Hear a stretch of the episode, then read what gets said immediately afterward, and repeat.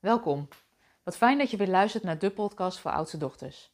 Mijn naam is Aike Borghuis en het zal je niet verbazen, zelf ook een oudste dochter. Het is mijn intentie met deze podcast om je te inspireren en je bewust te maken hoe de plek als oudste dochter nog steeds van invloed is op je leven nu. En in deze podcast wil ik je meenemen in hoe het komt dat oudste dochters denken dat ze het alleen moeten oplossen. Want dat is wel een kenmerk wat ik veel zie bij oudste dochters. Oudste dochters zijn gewend om het zelf en alleen op te lossen. En dat heeft je ook heel ver gebracht. Maar weet ook, je kunt het niet altijd alleen. En dat is ook logisch, want dat ligt niet in jou. En ik ga je nu meenemen hoe dat komt. Oudste dochters hebben nooit geleerd om om hulp te vragen en stralen vaak ook uit dat ze het zelf wel kunnen. Oudste dochters denken vaak dat ze hun hulpvraag helemaal helder moeten hebben en ook het gewenste eindresultaat al helder moet zijn. Je zit er als oudste dochter vaak ook middenin, waardoor het zien van de volgende stap soms lastig is. Het kan ook zijn dat je als oudste dochter nog steeds trouw bent aan je familiesysteem. De kans is groot dat je nog harder gaat nadenken over een mogelijke oplossing. En wat er dan ook gebeurt, is dat je innerlijke rechter om de hoek komt zetten en die voert dan vaak ook de boventoon. Dat hoofd wat je zo goed hebt ontwikkeld en wat je ook zoveel hebt gebracht. En ik ga je nu even meenemen in wat meer uitleg bij deze ja, thema's. Je hebt nooit geleerd om om hulp te vragen en straalt ook uit dat je het zelf wel kan. Veel oudste dochters zijn van nature gevers. Om hulp vragen hebben we vaak niet geleerd en vind je ook lastig. Je helpt ook liever dan dat je om hulp vraagt. En wat er ook gebeurt is dat mensen je vaak geen hulp aanbieden omdat je wel uitstraalt dat je het zelf kan en zelf wel oplost. Zelf om hulp vragen is een eerste stap om dat patroon van het altijd alleen doen te doorbreken. En dat is niet zwak, maar juist heel krachtig. Je zult ook merken dat anderen je graag helpen, net als dat jij het fijn vindt om ook anderen te helpen.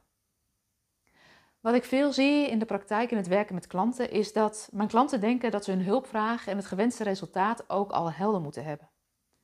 Je denkt dat als je om hulp vraagt, je je vraag of probleem al heel helder geformuleerd moet zijn en ook het eindresultaat al helder moet zijn. Dat je het in feite eerst helemaal uitgedokterd moet hebben wat er met je aan de hand is. En dat is dus ook een misverstand. Je hulpvraag mag juist ook gaan om helderheid creëren zonder dat je meteen de oplossing hoeft te weten.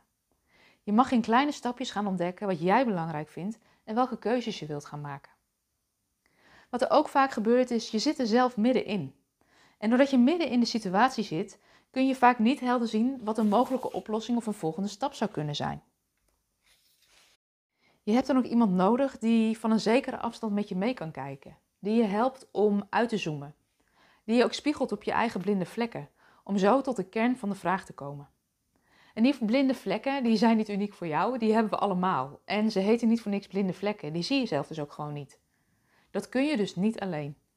Je hebt iemand anders nodig die samen met jou op onderzoek uitgaat, uitzoomt en ook je blinde vlekken blootlegt.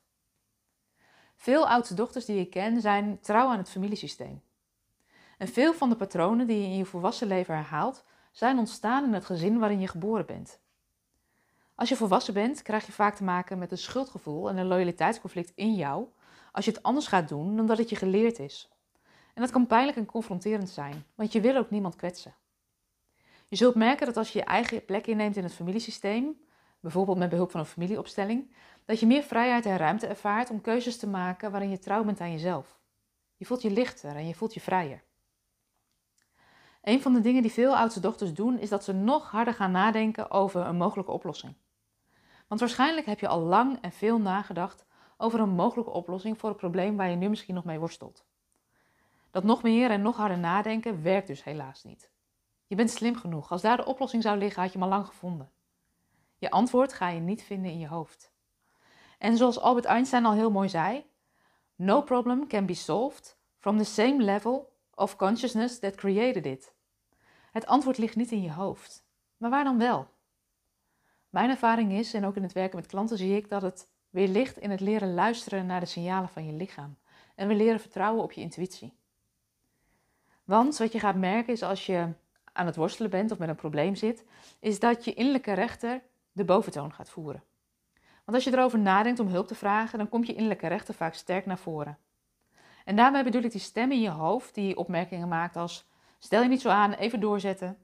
Je hebt het altijd alleen opgelost, dus dat lukt je nu ook wel. Niet klagen, maar dragen. Van hard werk is nog nooit iemand doodgegaan. Er zijn mensen die het veel erger hebben dan jou, veel slechter hebben dan jou. Is dat herkenbaar? Die stem die wil jou veilig houden. Die wil alles graag houden zoals het is. En weet dat die stem ook harder gaat tetteren als je op het punt staat om een keus te maken om dingen anders te gaan doen. En je kunt die stem herkennen doordat die stem dingen tegen je zegt die je nooit zou zeggen tegen iemand van wie je houdt. En het is dus belangrijk om je innerlijke rechten te leren kennen. En om je dus niet langer te laten leiden door die stem die je vasthoudt op de plek waar je nu bent. Was dit verhelderend? Misschien snap je nu wat beter hoe het komt dat je tegen bepaalde dingen aanloopt en blijft aanlopen. En dat het dus ook logisch is dat je sommige patronen, sommige dingen niet in je eentje kan oplossen. Ook al wil je dat wel heel graag. Dat ligt dus niet aan jou. Het vraagt van jou wel dat je besluit gaat nemen om dingen anders te doen dan dat je tot nu toe gewend bent. Dat je misschien wel een keer om hulp gaat vragen. Uit ervaring in het werken met oudste dochters weet ik dat als oudste dochters eenmaal de stap zetten naar hulp vragen, dat ze ook heel snel in beweging komen. Dat ze heel snel de resultaten implementeren um, op het moment dat dingen helder worden. Dus weet dat um, de oplossing eigenlijk heel dichtbij ligt. Je kan kijken of je dat zou kunnen doen met iemand in je naaste omgeving, een vriend of een vriendin. Maar zou je eens met iemand willen sparren die wat verder van je afstaat, weet dat je ook altijd een afspraak kan maken voor een persoonlijk adviesgesprek. Dat kun je doen op mijn website www.oudstedochter.com. En um, nou, mocht je meer willen weten, dan kun je daar ook eens kijken. De dingen die ik je net heb benoemd, misschien de valkuilen, de kwaliteiten, um, de reden waarom het zo lastig is om hulp te vragen, um, staan ook beschreven in een e-boekje. Dat kun je ook gratis downloaden op de website. Dus vraag het gerust aan. Voor nu wens ik je in ieder geval een hele fijne dag en ik spreek je graag de volgende keer. Fijne dag!